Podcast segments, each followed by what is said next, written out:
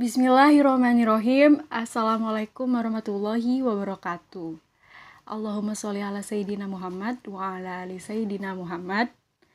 Alhamdulillah wa syukurillah kita telah tiba di hari ke-20 bulan Ramadan. Gimana nih kabarnya teman-teman? Apa masih semangat puasanya?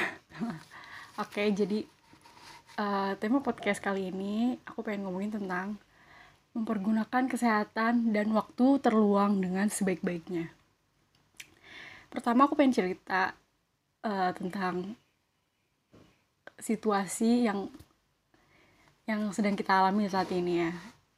Jadi berawal dari tahun pertama, yakni tahun 2020, tepatnya di bulan Maret, COVID masuk ke Indonesia.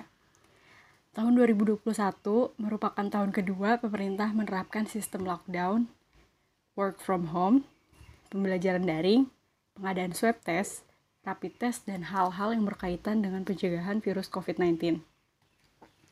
Nah, pada saat pandemi seperti saat ini, Tentunya kita perlu dong menjaga kesehatan jasmani dan rohani kita agar imun yang terdapat di dalam tubuh dapat mencegah berbagai virus dan bakteri yang akan menyerang tubuh, terutama virus COVID-19. Jumlah kasus COVID-19 semakin lama semakin meningkat. Kenapa sih bisa terjadi? Ya karena kita sebagai manusia gak luput dari yang namanya sifat malas, keliru, salah, rasa tidak bersyukur, dan lalai terhadap dua kenikmatan yang telah Allah berikan kepada hambanya.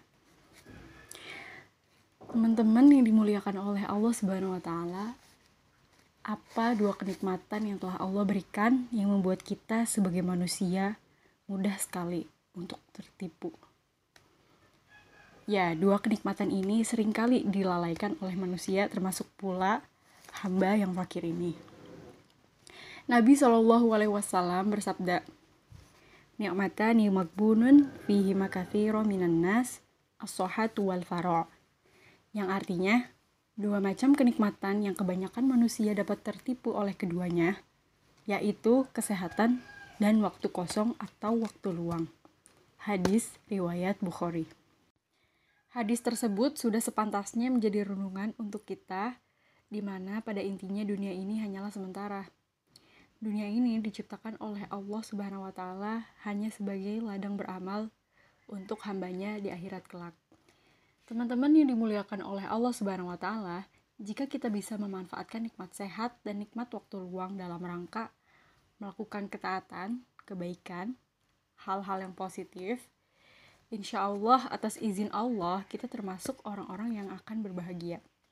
Sebaliknya, jika kita memanfaatkan nikmat sehat dan nikmat waktu luang dalam hal-hal negatif, contohnya seperti kemaksiatan atau hal-hal yang sia-sia, maka kita dapat dikatakan sebagai hamba Allah yang betul-betul tertipu. Nauzubillah.